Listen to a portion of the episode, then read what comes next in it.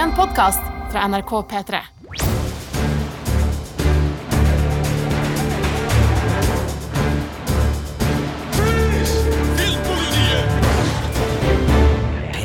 Og her i Filmpolitiets strømmetipspodkast er det Sigurd og Marte som sitter i studio, og vi, vi gleder oss til å dele ut masse gode tips, ikke sant, Sigurd? Ja, det heter serietips, Marte. Hva var det jeg sa? Strømmetips. Å, og det er jo helt sorry. riktig, for det er jo serietips på strømmetjenester! Jeg, jeg er så trøtt, eh, og jeg skal komme tilbake til hvorfor, men jeg, jeg har sett på serier i hele natt. eh, for, fordi jeg hadde lyst til å anbefale noe til denne podkasten, så sorry hvis jeg virker surrete i dag. Altså, eh, det er eh, Altså, fotballspillere kan blø for drakten.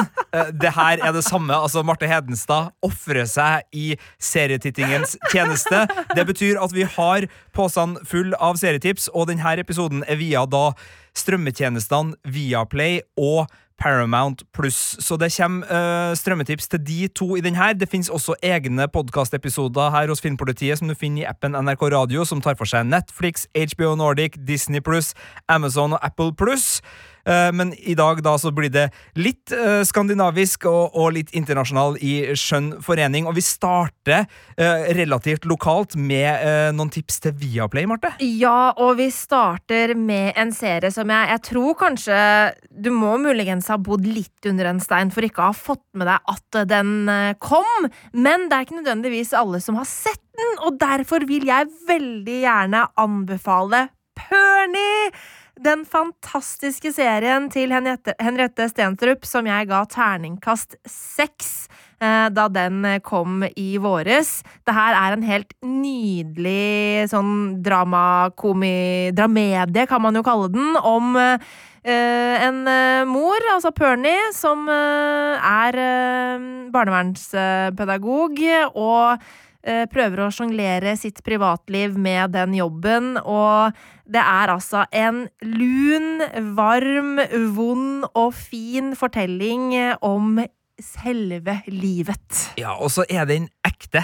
Altså, Den føles i hvert fall ekte. Eh, selvfølgelig tilskrudd til dramakomediens eh, sjanger, Ja. og, og ting er satt på spissen, og ting eskalerer, og, og ting er sånn de er, men det er så mye som kjennes riktig, gjenkjennelig, relevant og troverdig ut i det fiksjonsuniverset. Mm. Så den har liksom Uh, nok der til å, å ikke bare liksom være en underholdningsserie som bare er der for å underholde. Den, den klarer liksom å lirke seg litt under huden og, og, og gi noe tilbake da, til, til publikum. Og det her er jo en serie som Henriette, Henriette Stenstrup står bak som serieskaper. Hun eh, har skrevet eh, denne serien og spiller også da hovedrollen som Pernie. Og eh, det hun har klart å gjøre, er at hun har, hun har klart å skape en sånn serie som virkelig liksom sånn smyger seg inn sånn under huden, eh, og som du sitter og koser deg med, samtidig som du den treffer litt sånn knallhardt innimellom. Det er noen scener i denne serien her som bare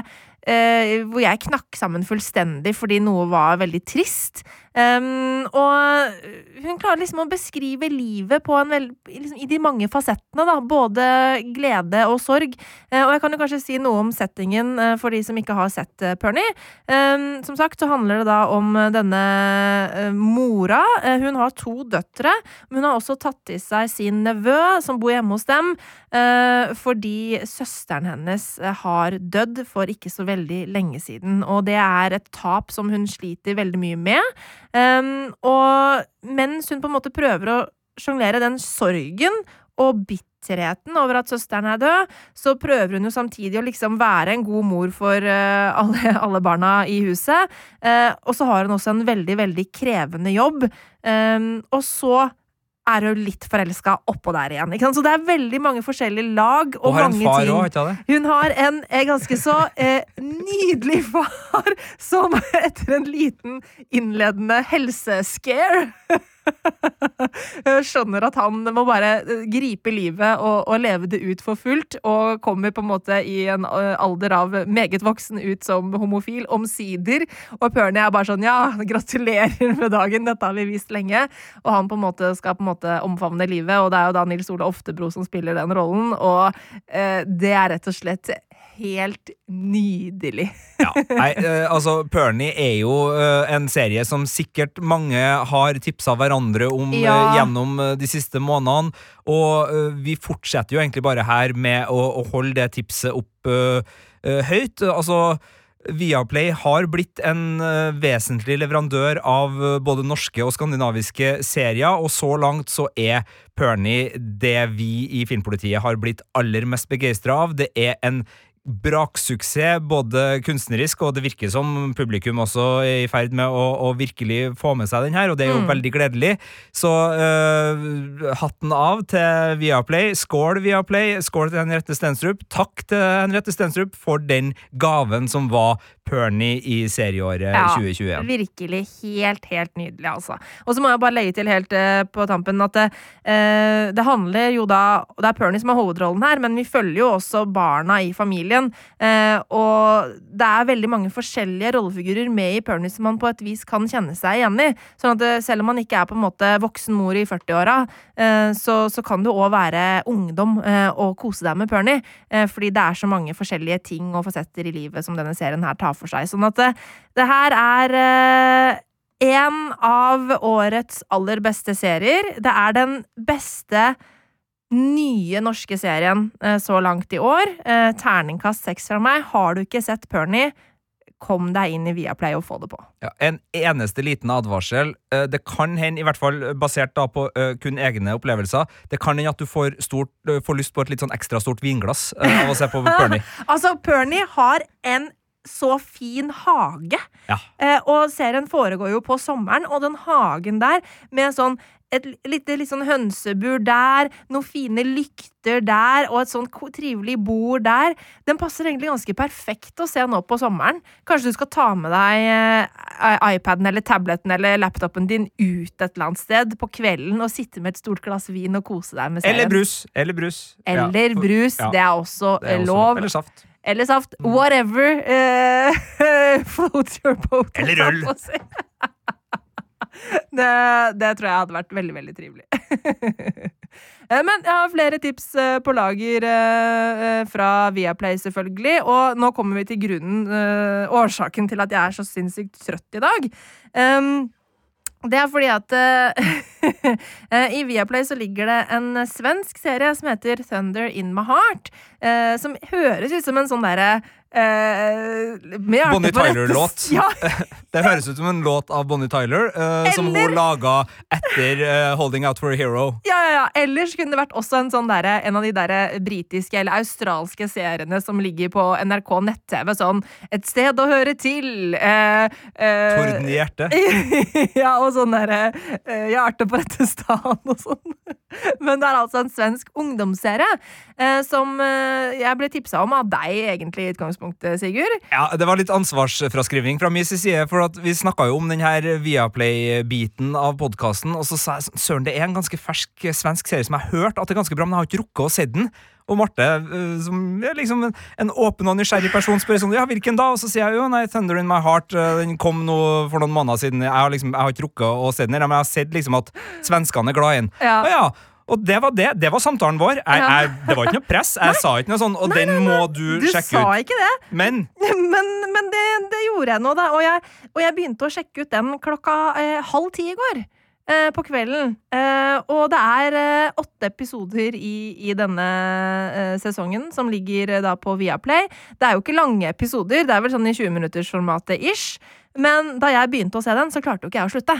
Og jeg måtte jo se hele serien. Og det her handler da om en en vennegjeng i Stockholm eh, som er i den fasen hvor de på en måte Noen av de har nylig flytta hjemmefra, andre bor fortsatt hjemme. Eh, og de er i den derre brytningsfasen i livet eh, hvor man begynner å innse at foreldrene sine er mennesker, eh, på både godt og vondt. Og eh, hvordan på en måte foreldre har påvirket livene deres og forma dem som de er, da. Sånn at det, er jo For noen av dem så er det sånn OK, jeg må plutselig ta vare på faren min. Eh, eller at eh, moren min klarer ikke helt å ta vare på meg. Eller at eh, hun ene har en far som ikke er snill mot henne. Altså det er en, det som på en måte er gjennomgangs... Eh, i, i denne serien. Det er ikke nødvendigvis så mye vi alltid ser til foreldrene, men hvordan foreldrene har vært eh, og formet disse ungdommene, er, er et gjennomgangstema. Eh, og det er da Sigrid som er hovedpersonen, spilt av eh, Amy eh, Desi... Jeg vet ikke helt eh, Desismont. Deassismont. Jeg vet ikke hvordan hun uttaler navnet sitt. Og det er også hun som er serieskaper for denne, denne lille serien her. Um, og hun uh, har nettopp flytta hjemmefra. har trøbbel med foreldrene sine. Spesielt med faren, og vi aner at det har skjedd noe med faren som, som påvirker henne i veldig, veldig stor grad. Hun på en måte ser faren sin overalt, altså sånn inni hodet sitt. Um, han sender henne veldig mange meldinger hele tiden, og hver gang hun uh, får en melding av han på mobilen, så på en måte ser hun han for seg, uh, og at han snakker til henne, og hun blir veldig angstfull av det. Um, og så så vi følger liksom hvordan hun på en måte forsøker å takle dette som på en måte ligger og ulmer under overflaten, samtidig som hun også nettopp har blitt dumpa, eh, og at hun begynner å kanskje forelske seg litt i sin beste venn, og har litt trøbbel med venninna si, og alt mulig sånn. sånn at det er på en måte det der dagligdagse livet til denne ungdomsgjengen, eller unge voksne, da, som det jo er, eh, som vi følger. og det er en sånn veldig ektefølt serie. Eh, veldig realistisk, opplever jeg den som. Eh, og jeg får sånn skikkelig hjerte for rollefigurene. Eh, Alexander eh, Abdallah, som spiller Sam, som er da bestevennen til Sigrid. Eh, han og hun har en helt nydelig kjemi sammen, eh, og er så utrolig fine, fine å følge, begge to. og det er bare Ja, jeg Det var sånn jeg ble så grepet av på en måte alle fasettene i denne serien. Fordi på ett vis så, det, så handler det om liksom sånn vennegjengen, vennskap, forelskelse, dra på fylla, liksom sånn bare det derre dagligdagse livet. Og så er det også det vonde som ligger i bånn, det å klare å bryte ut fra egne foreldre, det å på en måte skape seg og starte sitt eget liv, som også ligger der. Jeg får litt Eh, tanker til den norske serien Unge lovende av det du skildrer av handling, men, mm. men eh, er det her en serie som uh, ligner på andre serier? I så fall, liksom, Hvilke andre serier, hvilken seriesmak tror du mm. den her vil treffe best? Jeg, jeg, tror nok at de som liker Unge lovende, vil, vil like uh, Thunder in My Heart. Men uh, Unge lovende har mer den er også en, Det er også en dramaserie, men den har litt mer fokus på humor med tanke på hvem det er som har laga den. og Uh, den handler mer om det derre prestasjonsjaget og, og jaget om å få en bra jobb enn Thunder in my heart. Uh, det er flere av rollefigurene jeg ikke vet hva jeg jobber med. Eh, i denne, i denne, serien. Selv om jeg vet at de Litt som Chandler Bing i Friends? Ja, men, så, ja, ikke sant? men selv jeg vet at de jobber med noe. Fordi at jeg ser for eksempel Sam en dag ha på seg en T-skjorte med et navneskilt, for eksempel. Så jeg skjønner at han har en jobb, men jeg får aldri være med han på jobb. Eh, sånn at det, det er liksom ikke hovedfokuset her. Det er mer det den dynamikken i vennegjengen, og også det med spesielt da Sigrid som sliter med øh, traumer, rett og slett, som, som er hovedfokus. Du jafsa jo den her i deg, da. Eh, ja. Helt som du er på, på seriefronten. Eh, fra klokka uh, halv ti på en uh, ja, til klokka to eller noe sånt. Ja. Ja, hvor jeg så sovna og så på sofaen resten av natta. Så jeg er litt sliten i dag. Men hva er det som liksom gjør at den her blir en sånn, eh, ja, for å si det med, med romanen, en sånn page-turner? Mm. Altså at du, du, blir drevet inn i en binge da, for å se den eh, serien her? Det må være noe med oppbygningen av episodene. Det er ikke sånn at det nødvendigvis er en cliffhanger eh, på hver episode. Det er det ikke. Men den har en dramaturgi som gjør at den kanskje mer oppleves som en en helhetlig film, kanskje. Eh, og så er det bare rett og slett veldig, veldig godt selskap. For selv om noen av, noe av tematikken her er ganske dyster, så er rollefigurene så fine, eh, og jeg blir veldig kjapt veldig glad i dem. Eh, jeg, Sigrid og Sam spesielt. Eh, og det er så utrolig mange fine ting. Altså hvordan på en måte Sigrid, for eksempel, eller Sigge, som hun jo kalles, eh, eh, eh, tar vare på lillebroren sin, for eksempel. Hvordan Sam tar vare på faren sin, som er veldig, veldig deprimert etter at moren hans har dødd. Og det er bare så mange sånne morsomme ting også, liksom i liksom, de diverse vennskapsforholdene. vi har Vi har uh, bestevenninna til, til Sigrid også, som, som er en veldig sånn eh, stor i, i liksom den, den forstanden av ordet, tar mye plass og er veldig morsom og artig og liksom Uh, er en sånn der life of the party-type person. Men som er, de to har det veldig gøy sammen, samtidig som de òg liksom butter litt fordi at begge to mener at kanskje den andre uh, kan være litt egoistisk. Altså sånn, det er så mange sånne småting som, som virker så ekte, som gjør at jeg bare liksom har lyst til å være der. Så de svenske uh, stemmene jeg hadde uh, fått med meg sånn i ytterkanten av synsfeltet mitt, som, som uh, haussa opp det her som en skikkelig god serie, Mm. de tok eh, ikke feil. Altså, Nei, det, det de her tok- er en god svensk liten Viaplay-godbit som, som eh, svinger også både enten man vil binge den eller eh, se den litt sånn utover. Ja, virkelig. Eh, Og jeg kjenner at jeg blir jo veldig nysgjerrig på Amy Desismont, eller hvordan i all verden man uttaler navnet hennes.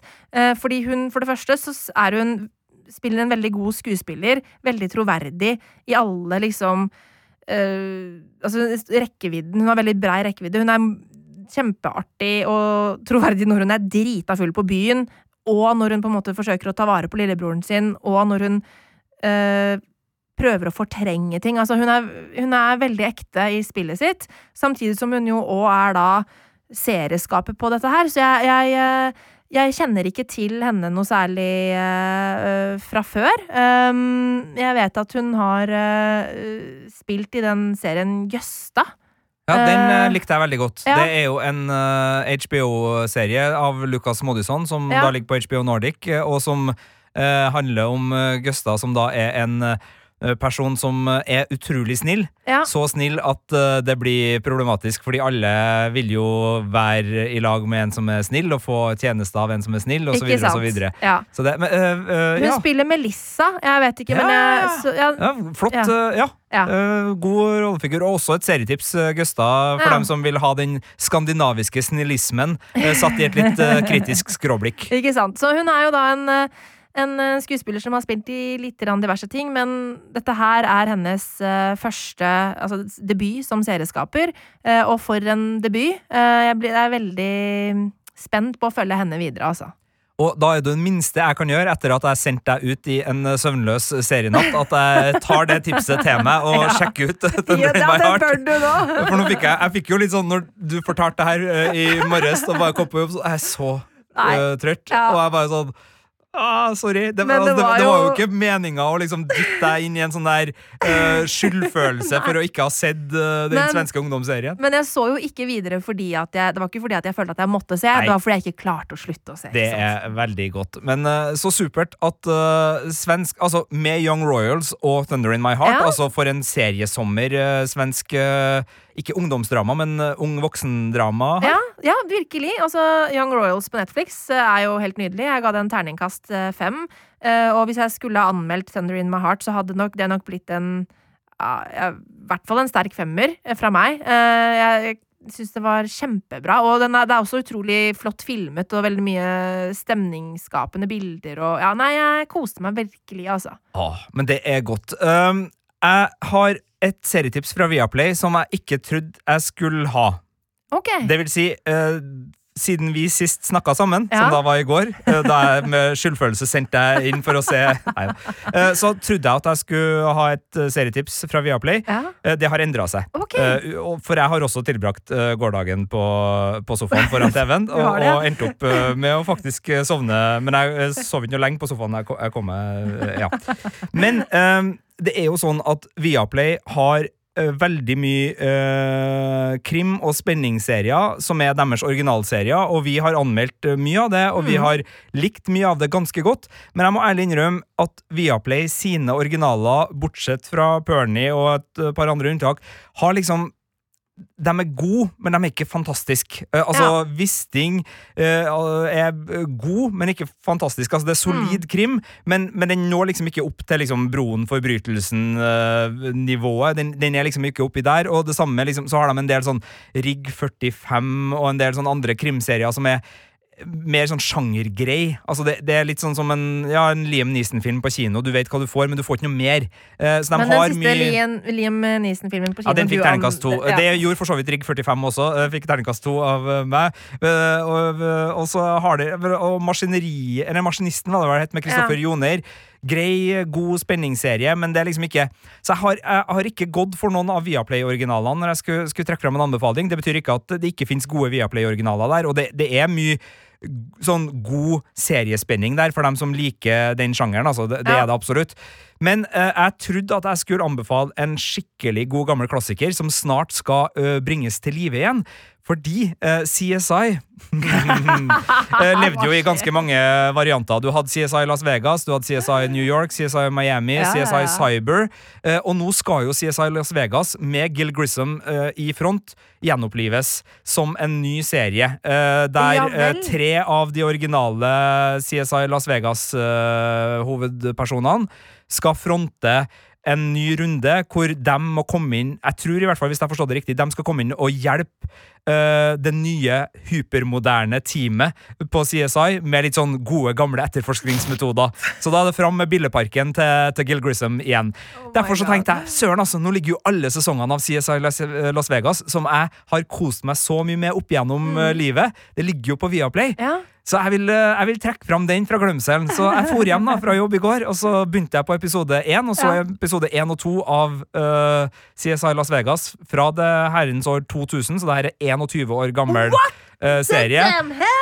Er det så sorry. gammelt nå? Shit, har de ikke holdt seg? Det er for datert, ass. Nei, er det det? I både uh, stil, tempo uh, Og vi har sett så mye av den type etterforskning etterpå at Ja. det, det å liksom imponere med å slå på ei lykt og se der er sæd, der er blod Nei, det går ikke.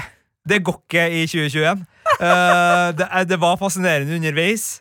Men jeg, altså, jeg, jeg prøvde bare to episoder, og jeg kommer fremdeles til å, å la en episode Las Vegas uh, CSI Ok. stå og gå.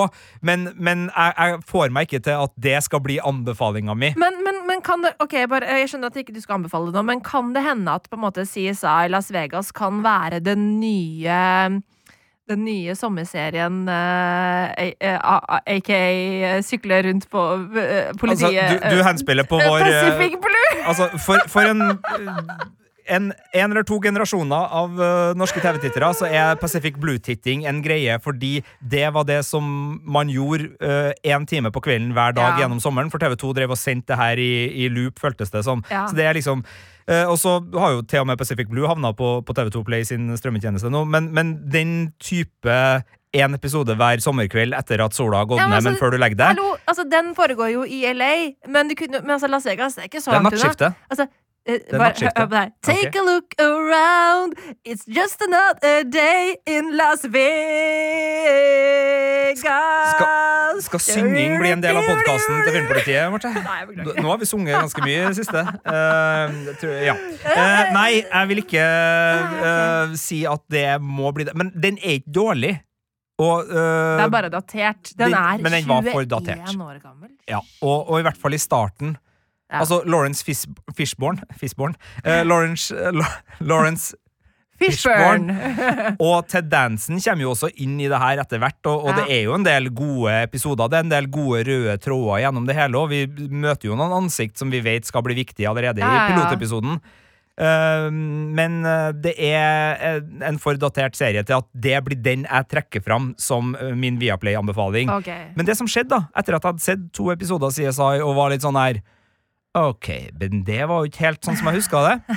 Så eh, kjørte jeg opp uh, snopforbruket noen eh, knepp, og eh, tok et gjensyn med en serie som jeg har sett eh, de første sesongene av, men som jeg ramla av, og som nå ble avslutta for ikke så lenge siden. Men som jeg tenkte sånn, søren, den er jo kul, men jeg tror nesten jeg må begynne på nytt igjen for å liksom komme inn i, i grooven. Og det var fordi at du spurte meg skal ikke du anbefale den. Og da snakker vi om Fresh Off The Boat. Ja! En komiserie med seks sesonger på Viaplay. Og jeg endte opp med å se hele sesong én i går. På nytt! Fordi det er en sånn komiserie som er så godt selskap. Eh, så selv om jeg hadde sett det før, så var det bare så Det var litt sånn som man ser igjen How I Met Your Mother, man ser igjen Modern Family, man Ja, ser igjen ja, ja. Friends. Man ser igjen en del sånne komiserier som nesten bare kan stå på i bakgrunnen Ja. og være det gode selskapet. Eh, og Fresh Off The Boat er jo mer enn det. Og det er en, Absolutt, en ja. drivende god serie, og det er klart den foregår på 90-tallet i Florida i USA, med alt det innebærer av referanser til hiphop som Mm. uh, Tupac og Biggie, Wu-Tang, Beastie Boys. Det er mye Du Shaquille hater det jo ikke. Nei, altså, og for oss da, som var barn på 90-tallet, så er jo det her uh, en veldig sånn lett serie å, å kose seg med. Uh, men den har jo også noen, noen skuespillere og en handling Ja. Som, som gjør seg. Altså, den handler da om en familie som flytter fra Chinatown i Washington til Florida fordi far i familien har bestemt seg for å eh, bli eh, restaurant... steakhouse. eh, ja, starte et steakhouse som ligner veldig på eh, franchise steakhouse, men han eh, insisterer på at siden eh, Bjørn har eh, en annen farge på pelsen, eh, og det er andre små endringer, så er det ikke plagiat. Eh, det er helt greit å, å starte denne steakhouse-restauranten. Eh, og det er da en familie som er taiwansk-amerikansk, eh, og i det de kommer til Florida på midten av 90-tallet, så er det ikke mange andre familier i deres eh, forstadsnabolag som er eh, taiwansk-amerikansk, så de, de- det, det blir noen kulturforskjeller også som, Ja. som det spilles på her. Og eh, det må jo sies at eh, Constance Wu, som da spiller mora i familien, Oh, I love her! hun er jo helt fantastisk, og hun har jo blitt en, en stor stjerne som har spilt både i flere filmer og serier etterpå, og det er jo en hun av som er hovedrollen i Crazy Rich Asians, uh, og hun er jo bare helt fantastisk. Hun satt også både Anthony Mackie og Morgan Freeman i, og Dan Stevens i skyggen i serien Solos, som Amazon Prime hadde premiere på nå i sommer, hvor hun har en episode der bare hun er foran sant? Som er helt sånn Det er noe av det beste, liksom. Hun forteller en historie, eh, og det er bare hun som sitter på et venterom, småfull, og forteller den historien. Og det er jo på en måte egentlig ikke Det er jo podkast, det er ikke TV, Ja, egentlig, ja. men det bare blir så bra, for hun er så vanvittig god. Ja. Eh, og så har man jo også en uh, far i familien som har blitt ganske kjent gjennom Marvel Cinematic Universe og, og Ant-Man-filmene spesielt, men også WandaVision-serien uh, i Randall Park. Og de to som foreldre har en helt sånn nydelig kjemi. Den er veldig snill og kjærlig, men den er også full av eh, skarp snert og, og konflikter, og uh, de er liksom uh, forgjelda og i ferd med å liksom innse har vi gjort en stor tabbe her. For de vil jo, Grunnen til at de har flytta for seg sjøl, er jo for at de vil klare seg for seg sjøl. Han jobba for svigerbrorens møbelfabrikk og følte seg liksom som den som alltid var underdanig da, i familierelasjonen. Så, så familiefar har liksom dratt med hele familien og skrøtter på seg at det her er en litt bedre greie enn det faktisk er.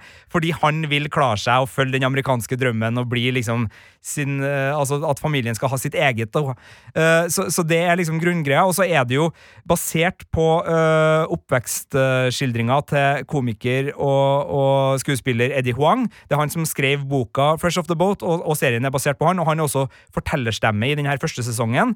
Eh, og det er jo da eh, kidden, det, eh, det eldste barnet i familien, som er liksom basert på Eddie Huang. Eh, og hans liv på, på high school er også sånn deilig blanding av litt sårt. Eh, Litt sånn outsider-perspektiv, eller veldig outsider-perspektiv, men også veldig gjenkjennelig og veldig koselig. Og uh, altså, jeg, jeg må si at det her er jo en serie som på ett vis lever i uh, Modern Family-tradisjon av amerikanske sitcoms, bare at den har, i, i likhet med det Modern Family gjorde, steppa opp gamet litt. grann.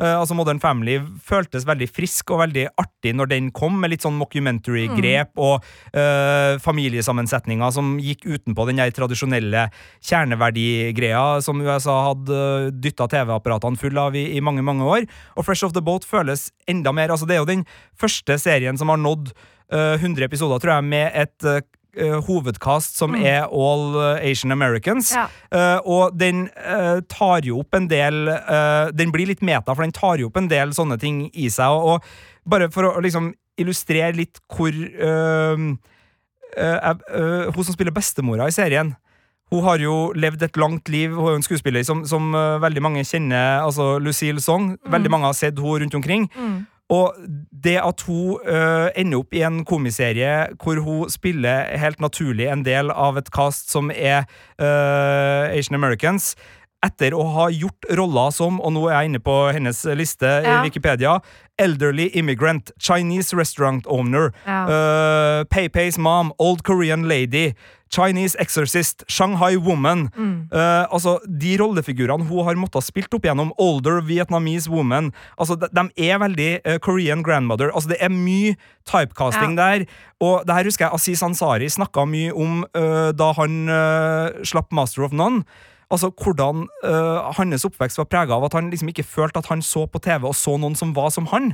Uh, og der tenker jeg jo at uh, Fresh Off The Boat har gjort en god jobb for amerikansk TV. Uh, ikke at man på en måte har runda det på noe som helst vis, men altså det er i hvert fall en, en serie som ikke reduserer skuespillere til stereotypier, sjøl om den leker jo med stereotypier for all del, den gjør det, men, men den er også en serie som, som har det for seg. Så, men først og fremst så er det bare en komiserie som er Ja. artig, lun, trivelig og full av humør. Og som sagt, for oss som var barn på 90-tallet, så er det jo kanskje Ekstra ekstra, gøy, øh, gøy med alle referansene. Og, og altså, uh, konflikten mellom grunge og hiphop, for eksempel. Når du får en kompis som kommer i flanellskjorte med en Nirvana-T-skjorte og bare uh, Hva som skjer nå? Jeg trodde vi skulle høre på den nye Tupac-skiva. Så bare sånn Jeg har vokst fra hiphop, ass. Jeg har blitt en mer sånn mm, dyp, og, dyp og reflekterende person. Så, så den har noen sånne Ja, det er Og- og den er jo gjenkjennelig. greier med den vennegjengen til han eh, Eddie, ass. Seks sesonger First of The Boat. Den uh, runder av nå i øh, 2020, så, så den er ferdig. øh, og den er festlig og fin, Ja, ja. Så, så sjekk gjerne ut den hvis du er av typen som liker øh, familiebaserte sitcoms fra USA og vil ha noe som har litt mer humør og litt mer snert. Og så er jo Ray Wise, altså selveste Leland Palmer fra Ja, ja, ja, øh, Twin Peaks, Naboen. Øh, så det, det hjelper jo også. Det er også et ganske artig nabopar. Med uh, ja, en, en kone som også er fascinerende. Åh, jeg får en nydelig serie. Det var veldig gøy at du anbefalte, Sigurd. Jo, men takk for at du minnet meg på Jo. at uh, den uh, er ikke noe du skal anbefale. For jeg, jeg storkosa meg med den da den kom, men jeg tror jeg ramla av sånn midtveis uh, i sånn vente på en ny Ikke sesong. sant, Så, det nå, men nå er jeg jo hekta, da, så nå går jo resten av ferien Ja, ja, det går jo kjapt, det nå. Altså, Hvis du så en hel sesong i går, så jeg, jeg skal se andre ting òg, men når jeg liksom bare trenger å trykke play og uh, ut litt, Mm, uh, avkobling, Perfekt. fresh of the boat. Eh, vi skal eh, fra veldig lun og trivelig serie over til et litt eh, dystert internett. eh, nemlig Delete Me, som er en norsk Viaplay-serie som Uh, eh, ja, skildrer en ganske sånn rå og eh, vond ung eh, virkelighet. Uh, og det her er jo den serien uh, som Thea Sofie Loch Ness eh, spilte en av hovedrollene i. Hun og Amalia Holm spiller da M2M, som de liker å kalle seg, venninnene Marion og Marit, som er på vei eh, inn i russetida. Um, og Altså, Er vi der at vi må forklare M2M-referansen for ja, eventuelle nye lyttere? Kanskje vi må det? Altså, Marion Ravn og Marit Larsen Ja. uh, spilt i et band som het M2M. Å, shit. Nå følte jeg meg veldig gammel når vi måtte forklare det. Nei, vi måtte kanskje ikke det. Men jeg valgte å gjøre det. Du valgte å gjøre det. Lunsjskog Duo. Jeg likte M2M veldig Ja, godt. er du gæren? De spilte jo til og med på den serien jeg hater, men jeg syns det var veldig stas likevel. Dawson's Creek. Jeg hater jo Dawson's Creek med et intenst hat, men jeg syns det var veldig stas at eh, de var med i en episode. Men nok om det. Nå handler det om Delete Me, eh, og det her er jo da en serie som handler om eh, Altså ensomhet, vennskap, ønske om å passe inn, frykten for å bli utstøtt.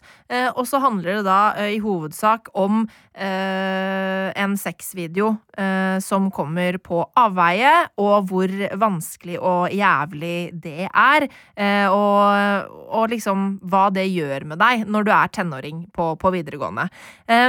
Det som er litt sånn eh, interessant eh, på sett og vis med Delete Me, er at jeg syns historien her er eh, ganske sterk. Eh, og jeg eh, syns både Amalia Holm og Thea Sofie Loch Ness er veldig gode i sine, i sine roller. Um, og serien er veldig visuelt fin å se på. Den eh, har veldig mange flotte bilder og hvordan ting er rammet inn, og lyssetting og alt mulig sånt, som er eh, stilferdig utført. Eh, men eh, historien fortelles baklengs. Eh, og det var noe jeg trakk for eh, da jeg anmeldte den til en eh, god firer på terningen tidligere i år. Fordi Du er ganske konvensjonell. Du liker at ting skal være Nei, altså, sånn, lineært. Fra ja, A til B, nei. ikke fra B til A. Nei, altså, det må være en grunn. Altså, når du bruker et såpass sterkt virkemiddel som å fortelle noe baklengs, så må det være Det må gi deg noe ekstra. Det må være en grunn for at det gjøres på den måten. Og her føltes det ikke som at det var en grunn. Det, det ga meg ingenting mer eh, av at det ble fortalt på den måten, annet enn at det ble litt rotete, rett og slett. Eh, så, så det trakk jeg for. Men likevel så er det her en, en, en veldig eh, sterk historie som jeg tror veldig mange kan kjenne seg igjen i. Um, både litt sånn hvordan det er å å ønske å ville passe inn i en, i en gjeng på videregående, for eksempel. Eh, den derre Hvis noe fælt har skjedd, hvordan på en måte kanskje du urettferdig blir eh, utstøtt. Eh, hvordan du kanskje velger å trykke andre ned for å få deg selv opp og frem. Altså alle, alle de der små tingene som, som man på et eller annet vis har vært en del av. Enten det har blitt gjort mot deg, du har gjort det mot noen. altså sånn en eller annen gang i livet så har du opplevd noe sånt som det her. Eh, og det klarer Delete Me å, å skape en veldig god historie rundt, da. Eh, så jeg syns den er eh, ganske sånn ekte, selv om den også er tilskrudd eh, i, i rollefigurene sine. Og, øhm, men eh, det er en ganske sånn hard, ung virkelighet som sikkert er ganske reell for mange. Og jeg tror nok at serieskaperne her har vært litt inspirert av Euphoria, men den blir aldri så eh, mørk som Euphoria, da. Nei. Uh, men det her uh, Altså, det er en serie som jeg har fått med meg at både har fått skryt for innholdet, men også formen. Altså, mange Ja. har liksom snakka om hvor forseggjort og hvor original den er i den visuelle stilen og i uh, utforminga, både da i, i foto og, og på regi. Så, så jeg Ja. merker jo at jeg har putta den på eh, to watch-lista mi. Absolutt. Uh, mye på grunn av det også. Mm. Uh, så det er jo en serie som virker å ha flere Ben å stå på. Ja, eller fl- flere innganger, altså, som, Ja. som, som kan nå bredere enn Altså, den har ei historie som er fengende, og som vil eh, Og som er viktig, og som vil eh, være inngangen for en del. Og så Mm. har du også et, et utseende som gjør at folk som kanskje eh, gryende filmskapere eller ekstra ja, ja, ja, filminteressert eller serieinteressert, skal være forsiktig med å, å rangere her. Det, de er jevnbyrdige hos eh, filmpolitiet, selv om tittelen vår på programmet tilsier uh, muligens noe annet. Uh, men at de også da kan, kan komme inn her og rett og slett bare uh, få en en kunstopplevelse som, Absolutt. som eh, inspirerer og som fester seg, og som gjør at de kanskje reflekterer litt mer over hvordan er serien bygd opp, hva er det jeg Mm. egentlig ser på, hvorfor er Uh, en TV-serie en annen fortelling enn en film, en annen fortelling Mm. enn en roman, en annen fortelling enn et videospill. Altså, er det gammeldags å si videospill? Sier man bare spill nå? Unnskyld. I så fall. Sorry. uh, men, men det er også noe som, som fenger, da, og som Mm. jeg tenker at denne serien eh, kan gjøre i større grad. Det er jo en del serier som føles veldig sånn konservativ og, og ordentlig i formen, og, og liksom følger uh, de, de opplagte kameravinklene og fortellerteknikkene og mønstrene og klipplengde og Mm. bygge det på en måte som er kjent og kjær og lite komplisert, og gjør at det liksom går rett inn hos eh, TV-seere uten at de trenger å eh, reflektere noe over hvordan fortelles det her. Og jeg vil Ja. jo si også, uh, jeg skal ikke si imot deg, for jeg har ikke sett den, men altså det at den fortelles baklengs, er jo også en sånn det uh, som heter fremmedgjøringseffekt. Altså en, en V-effekt som gjør at du er nødt til å tenke over historien på en annen måte enn du gjør hvis du bare får den mata inn. Helt, helt på, enig. så, så sjøl om den ikke nødvendigvis funka Jeg syns det kunne, det kunne vært med noen, med noen grep uh, blitt effektivt. Men jeg syns ikke det de, de fikk ikke helt til det de forsøkte på her, akkurat når det gjelder det. Men eh, det er fortsatt en veldig bra serie, og det er en veldig kreativ serie eh, øh, i, i sin, sin form, både visuelt og da eh, i narrativet. Men ehm, den er eh, jeg, lik, jeg likte den veldig godt, og det, det er en sterk firer på terningen fra meg. Og det jeg også syns er interessant der, handler om tematikken i serien, er jo også litt sånn hvordan tradisjonelt eh, sett eh, gutter og jenter eh, behandles forskjellig når det kommer en sexvideo og ting går skeis på den fronten.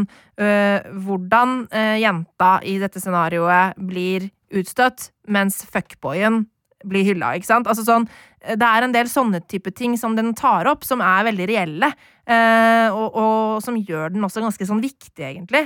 Eh, så mm, det er en veldig god serie, altså, selv om jeg syns den eh, vingler lite grann eh, underveis.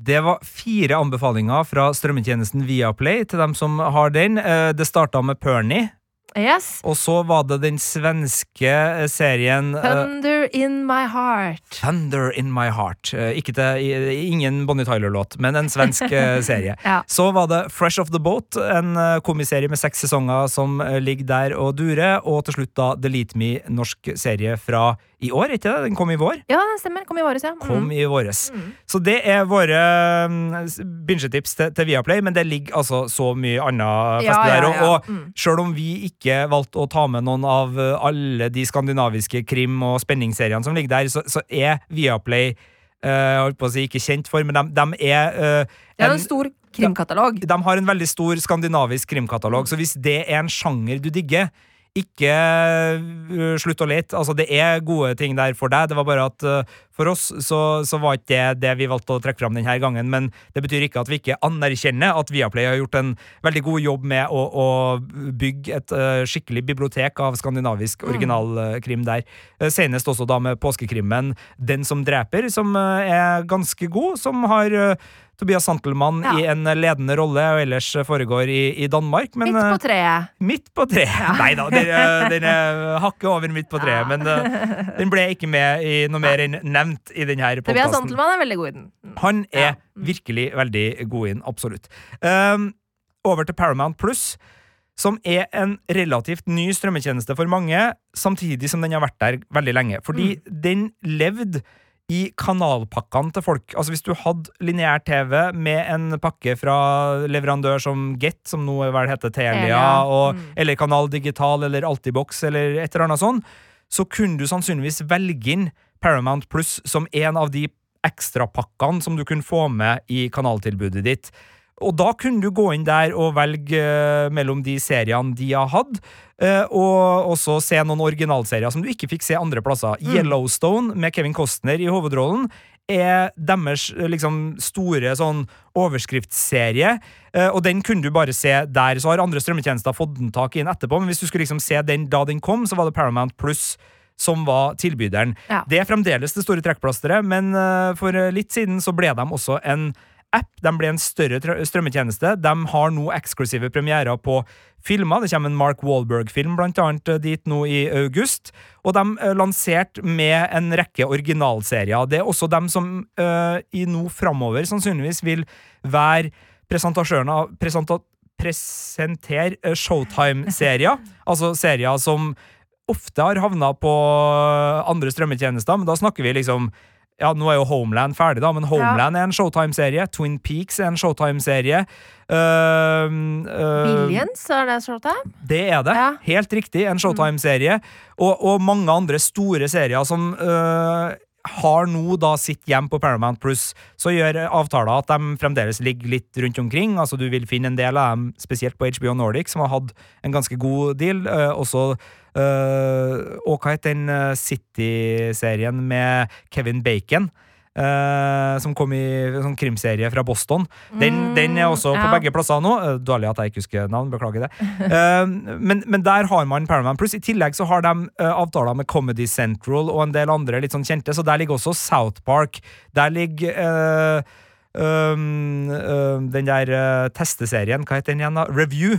Det er to Ja. sesonger med en Mm. kom, uh, komiker som bare driver og tester ulike ting. Fra kokain til skilsmisse til Stemmer. pannekaker til Altså, uh, festlige greier. Jeg, jeg liker det der. Så, så det er mye godt innhold som, som ligger på Paramount Plus, men det er en uh, Vi må bare anerkjenne det at fram til nå så har det vært en av de strømmetjenestene som kanskje har uh, ligget litt sånn uh, og slura under radaren til de fleste forbrukerne, som Mm. da har kanskje liksom Netflix og Disney Pluss og HBO Nordic og, og Amazon Prime og, og de nordiske da som, som sine.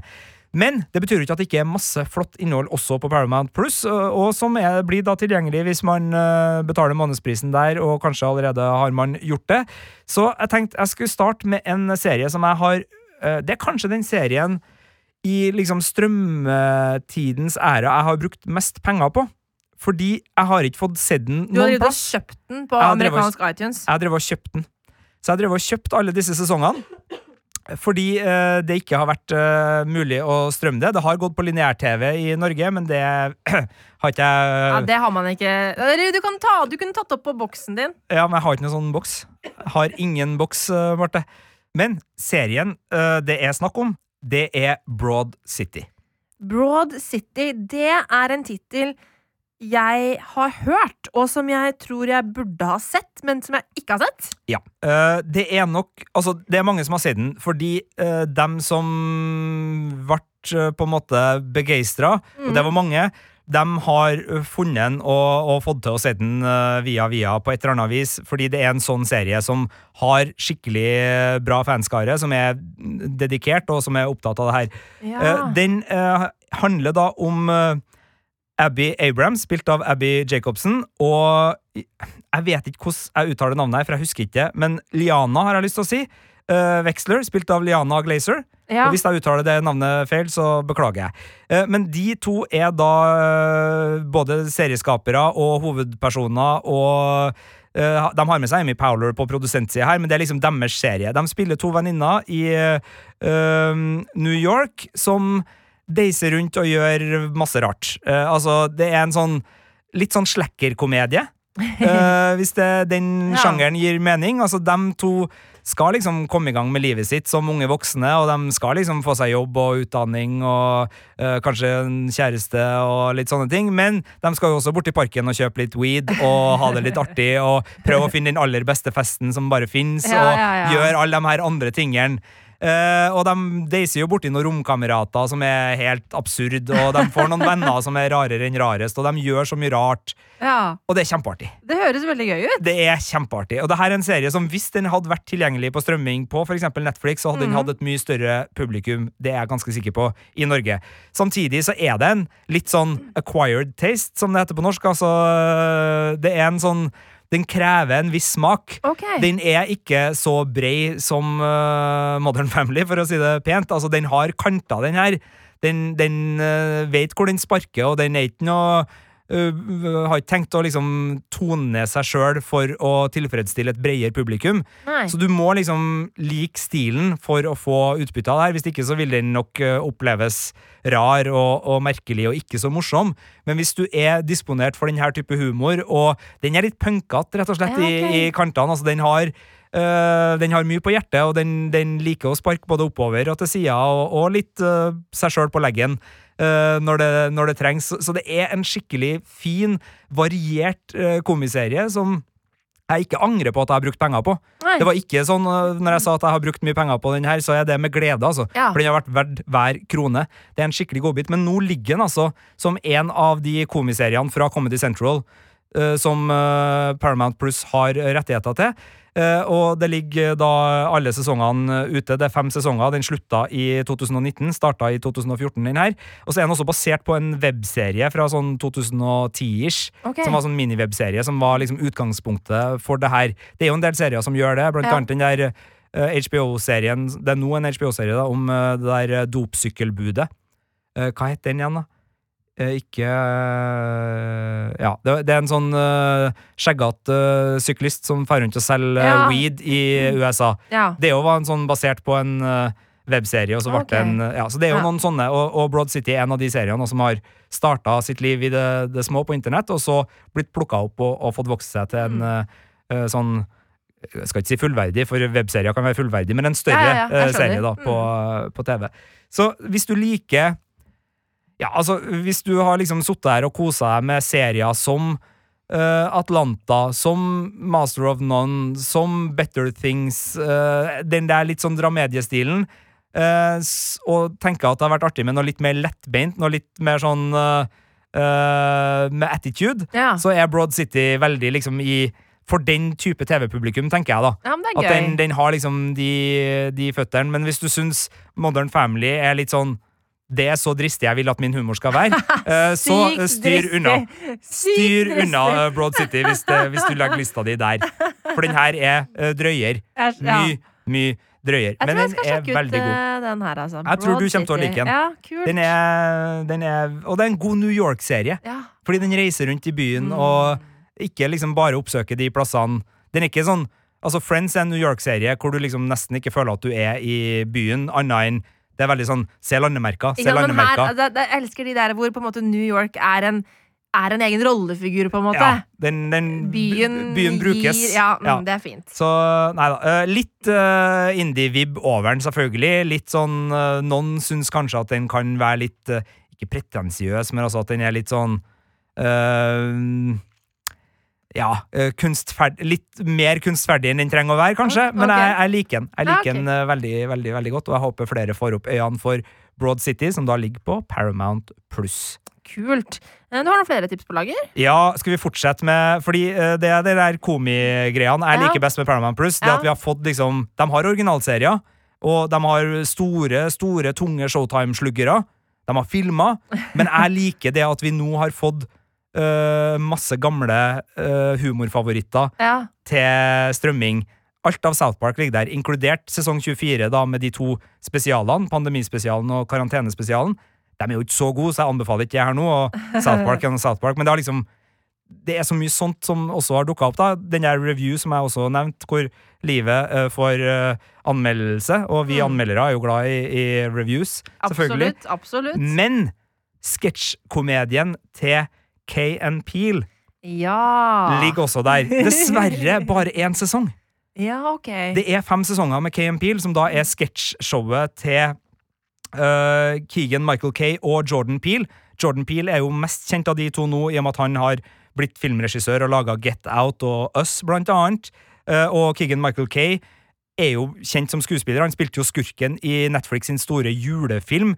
Uh, Juleoppfinnelsen, heter ikke den det? Med Forest Whittaker Ja, og, den, og han, den Ja, julemusikalen. Ja. Uh, han spiller også i Shmigadoon, tror jeg det heter, den nye Apple-musikalkomedien, og har spilt i noen Netflix-komedier. Altså, de her har jo blitt uh, stor på hver sin kant, eh, men eh, da de var sammen i K&N Peel, Mm. så var de helt fantastiske. Og det er sketsjkomedie som uh, deiser innom ganske mye forskjellig, blant annet eh, eh, rasisme i country-tekstunivers, som uh, det køddes ganske mye med sånn der Hva betyr egentlig det? Ja. Nei, nei, det, det, det, det, vet ikke Ja.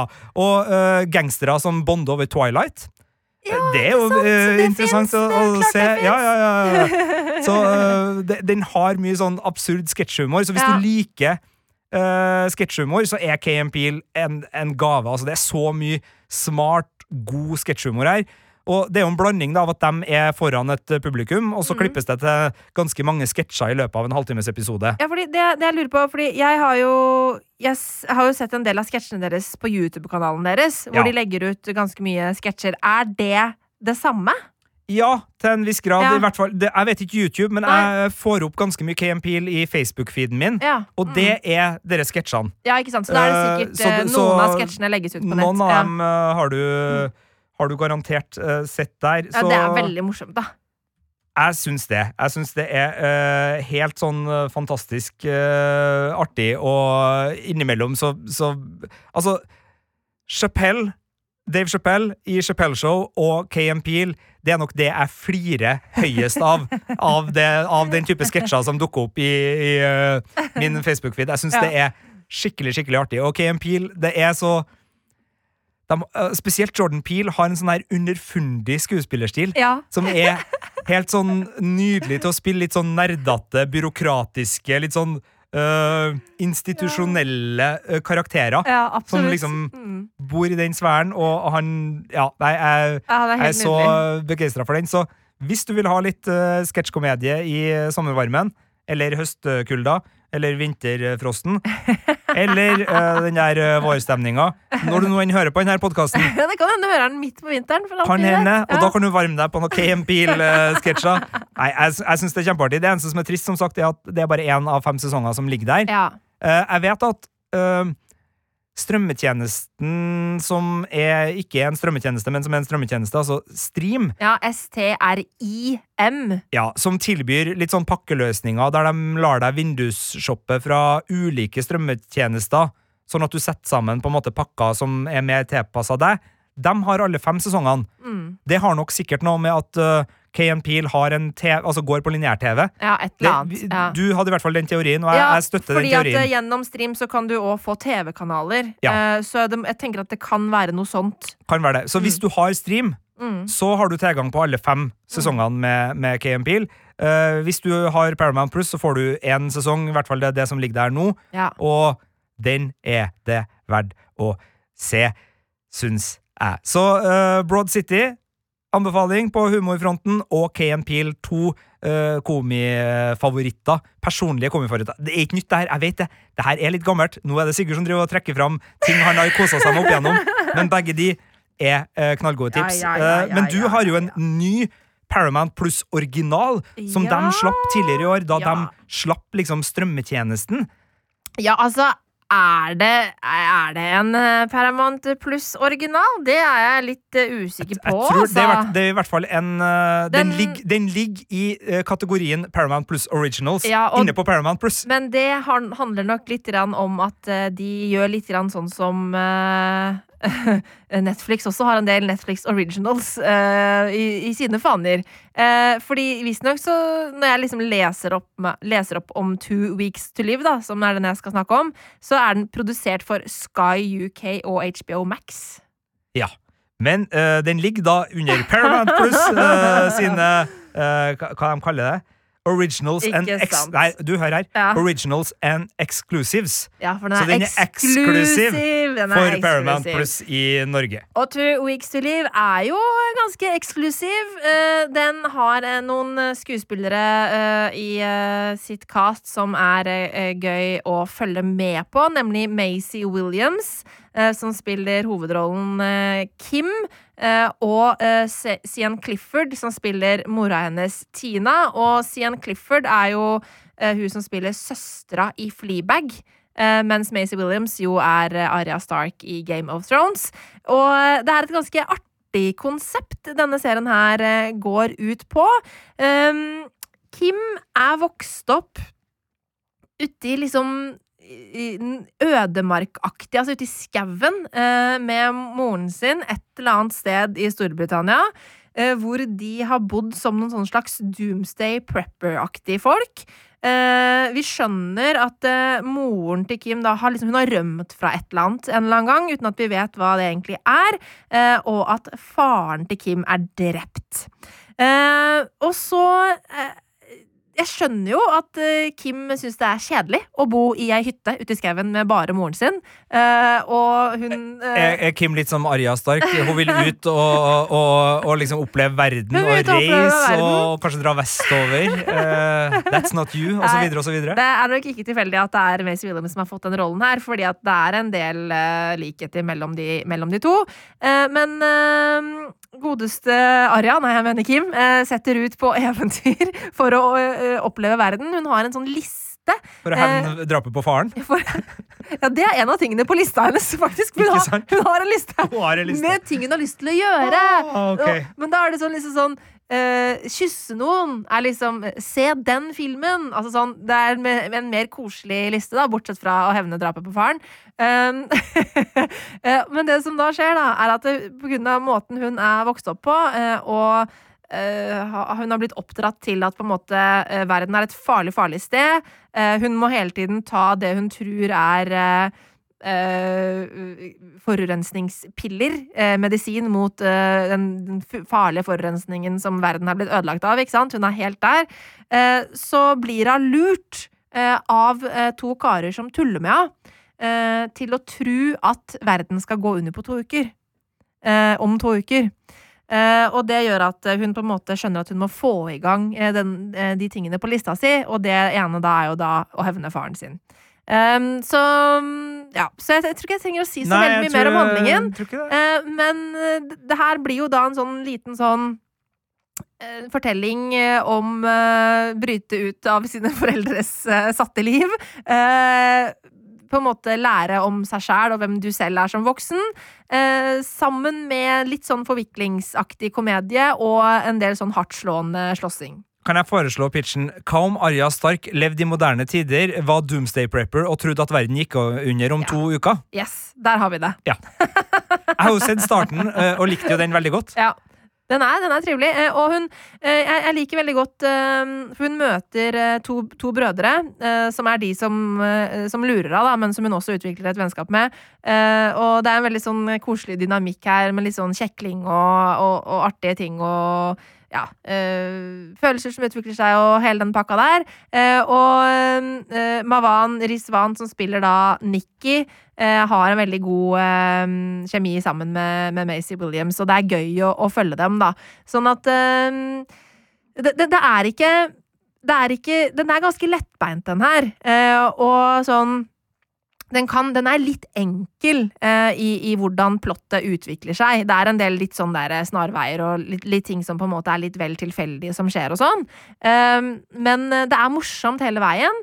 Um, og eh, jeg koser meg med det. Det er veldig sånn lettsett actiondramakomedie eh, med et rart premiss. Eh, med en kul skuespiller i, i hovedrollen. Så eh, verdt en titt, eh, virkelig. Altså Two Weeks to Live på Paramount Pluss. Jeg ga serien en terningkast fire. En god firer. da den kom i Det var vel mars eller noe sånt, tror jeg, i år. Det tror jeg stemmer. Og jeg har da ikke fullført den serien. Eh, ikke fordi at jeg ikke vil fullføre den serien, men den bare liksom Ja. Jeg, den og Resident Alien på TV2 Play tror jeg Ja. er liksom de to seriene som jeg bare liksom har tatt en pause i, uten at jeg vet hvorfor. Men jeg har tenkt å gå tilbake. Ja. Men gir det mening? Altså, Ja, har du det, sånn med det noen har skjedd serier? eh, sånn, jeg skjønner konseptet veldig godt. Det kan skje rett som det er, det.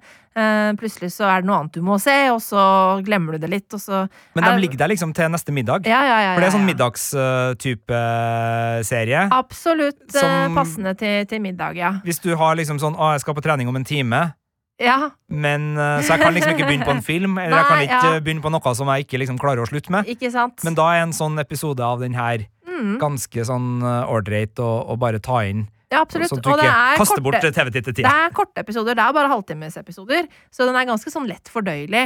Um, så det er liksom, hvis du, hvis du syns det er gøy med litt sånn korrupte politifolk, noen, noen litt sånn tilskrudde mafiabosser og noen hardtslående kvinnfolk med humor og glimt i øyet, så er det her en bra serie for deg. Går det an å se en uh, som fanfiction til Game of Thrones? Hvis jeg liksom insisterer Ja. og tvinger den Mm. inn i et sånn her Jeg ser for meg at det her er liksom Arja har uh, ramla av hesten, slått hodet sitt og drømmer at hun Ja. lever i framtida. Det det er en eh, Spesielt én sånn slåsssekvens som har eh, noen åpenbare pek eh, til, til Arya Stark, som, eh, som man da enten kan synes er gøy, eller kan synes er teit, eh, avhengig av hvor, hvor, hvor, allergisk man er eh, mot sånn metahumor og referanser. Eh, fordi det er lagt inn et par vink her og der til Game of Thrones, ja. Absolutt. Du hører Game of Thrones-podkasten her eh, hos Filmpolitiet med Marte Henstad og Sigurd Vik, og vi skal vid Nei da. Vi snakker om serier du finner på Viaplay og på Paramount Plus i denne podkasten. Yep. Two Eh, var på Paramount Plus. Den er på Paramount Plus, og en som også er på Paramount Plus, som er veldig god, som også har vært på HBO Nordic, og som også har blitt anbefalt før i denne serietipspodkasten vår.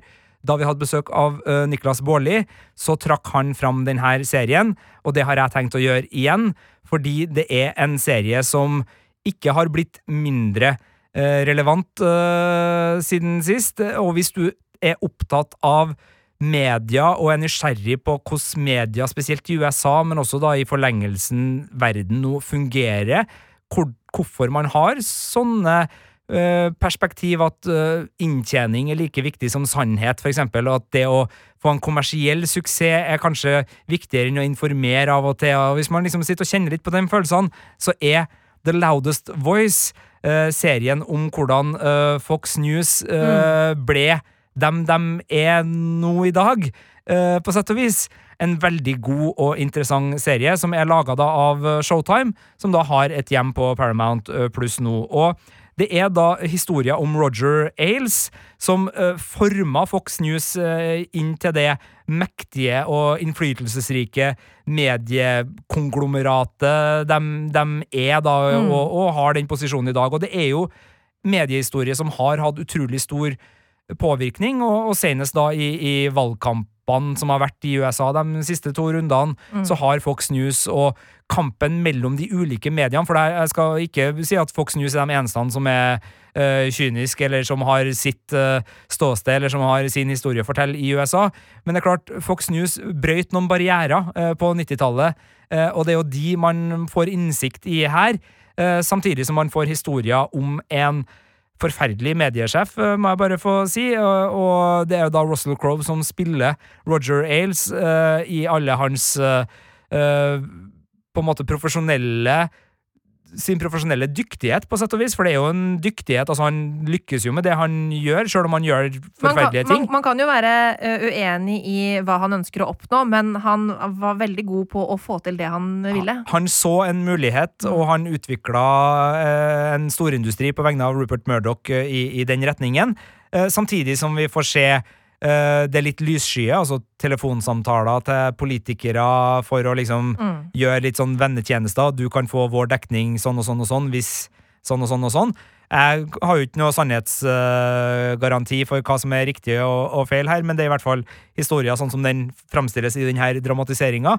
Uh, og så er det jo også Seth MacFarlane er med på rollelista, Sienna Miller er med på rollelista, ja. Naomi Watts er med på rollelista, og det er jo et uh, metoo-element til denne historien her òg, som er ganske grotesk. Ja, det er jo ikke bare et eh, element, det er en ganske stor en del ganske av handlingen. Del. Uh, og, og den, um, den, serien her er knallbra. Uh, Russell Crowe spiller så sinnssykt bra i den rollen her.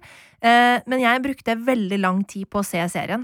Gjorde du det? Fordi jeg orka ikke. Nei, det skjønner Jeg han, jeg ble så kvalm. Altså sånn, Jeg ble fysisk ekte kvalm. Ja. Uh, så jeg, jeg, jeg, jeg, måtte ha liksom ganske lange pauser mellom hver episode. da Fordi jeg, jeg, jeg syns det var så jævlig, liksom.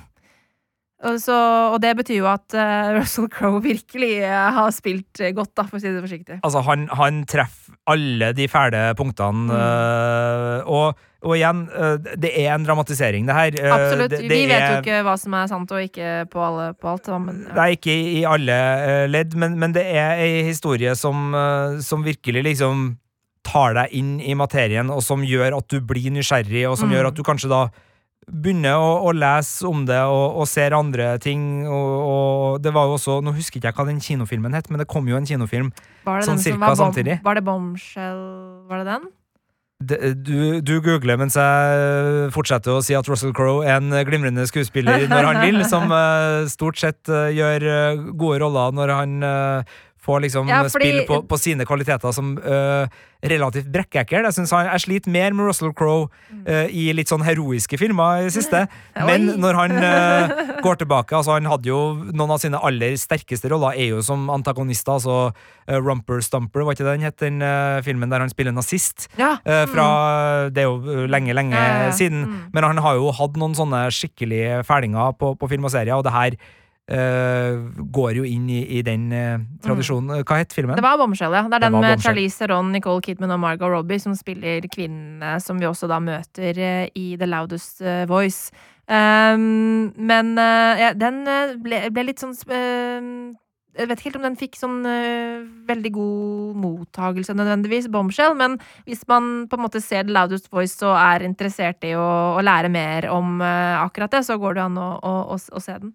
Um, skal bare si at Det var Romper Stumper den het. Den er fra 1992 for dem som ønsker å se den filmen. Og så skal vi også selvfølgelig gi kred for Gladiator og A Beautiful Mind og en del andre roller. Han, han, har ikke bare spilt bra Are you not entertained? Han har ikke bare spilt ferdinger Russell Crowe, altså. Men den der Master and Commander Russell Crowen den er ikke jeg så Og Noah Altså, Gladiator uh, er jo en helt fantastisk film. Ja, Gladiator er en ja. fantastisk film, ja. men, uh, men, han har liksom i det siste Ja, du mener Master and Commander-filmen, ja. ja. Mm. Master and Commander-filmen, ja, mm. og Noah-filmen. Altså, han har noen sånne uh, hovedroller som jeg bare merket av sånn jeg, jeg er så lei Russell Crowe i de typer rollene. Ja. Uh, og jeg syns ikke han liksom har den schwungen lenger. Uh, han spilte uh, Det var litt interessant, han spilte i Unhinged, en sånn road rage-film. Den er ikke spesielt god, men han spiller da en skikkelig fæl fyr som forfølger ei stakkars dame fordi han mener at hun har gjort noe i trafikken som Altså, det er road altså, rage-greia. eh, Russell Crowe var jo på et tidspunkt kjent for å, å ha litt rage. Ja, eh, han har eh, flydd på noen fotografer fotografer opp igjennom. Og det er bare sånn, den, den. Altså, sånn, han var god i den rollen, men det var ikke en god film. Men, men det er liksom Når Russell Crowe spiller Ja, Fox-sjefer og folk med road rage, så tror jeg på det. Jeg vet ikke hva det er. Jeg bare jeg føler jeg kjøper det. Nei da. Men Aladdin's Ah. Voice, eh, virkelig knallgod eh, Virkelig. serie, altså. Og, Ja. og den, er, den, er, den er med her som et symbol på at uh, katalogen til Paramount Plus også inneholder veldig mye av de gode Showtime-seriene. Mm. Så hvis du uh, er glad i den type underholdning, så får du et ganske stort bibliotek uh, på Paramount Plus, og, og det er liksom Hvis man sitter og velger liksom, eller sitter og tenker hvilken strømmetjeneste skal jeg betale for, Ja. eh, hvilken strømmetjeneste er det verdt å, å sjekke ut, så er i hvert fall Paramount Plus verdt å sjekke ut hvis du har den type serier som noe du foretrekker. Altså litt sånn uh, store, velproduserte dramaserier. Mm. uh, som enten er historiske eller eh, mer sånn eh, samfunnsorientert, da. Mm. De, de har en del av de, i tillegg til at de har da disse komibibliotekene og de her eh, originalene og eksklusivene, som da inneholder blant annet Yellowstone med Kevin Costner og uh, Arja Stark på nye eventyr i Game of Thrones spin-off-serien som eh, da heter Two weeks to live. ja.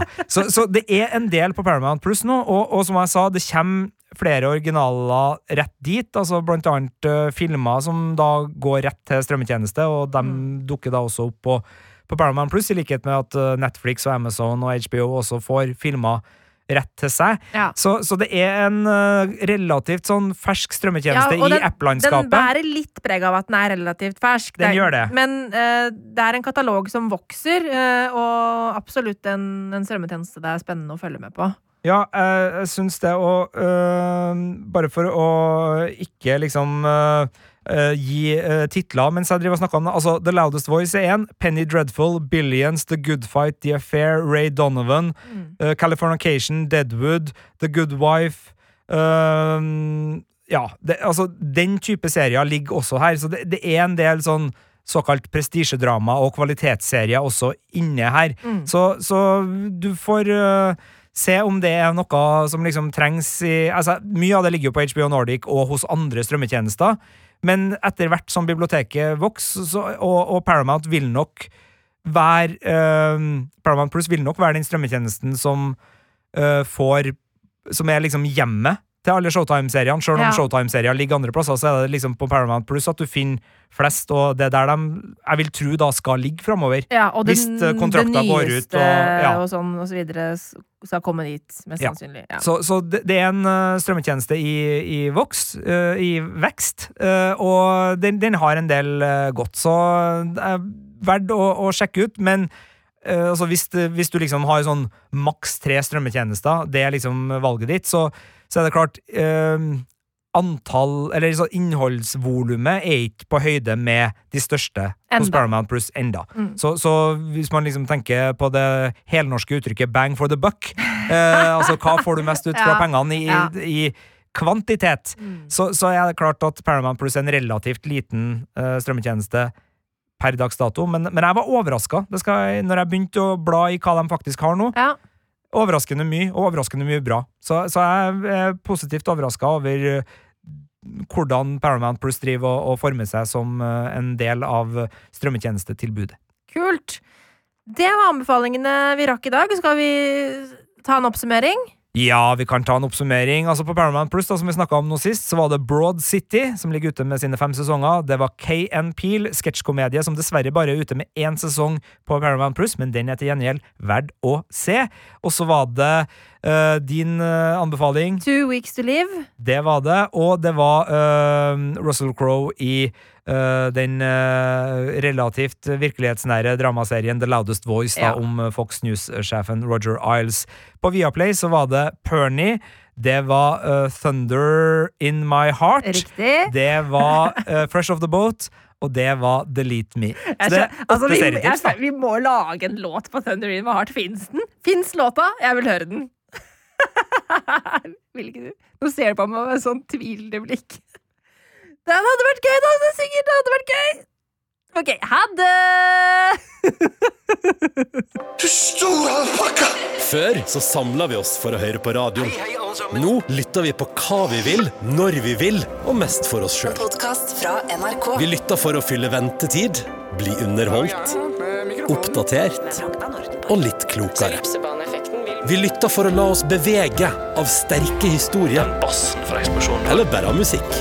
Så selv om mye har forandra seg, er det viktigste som før. Podkast og radio samler oss.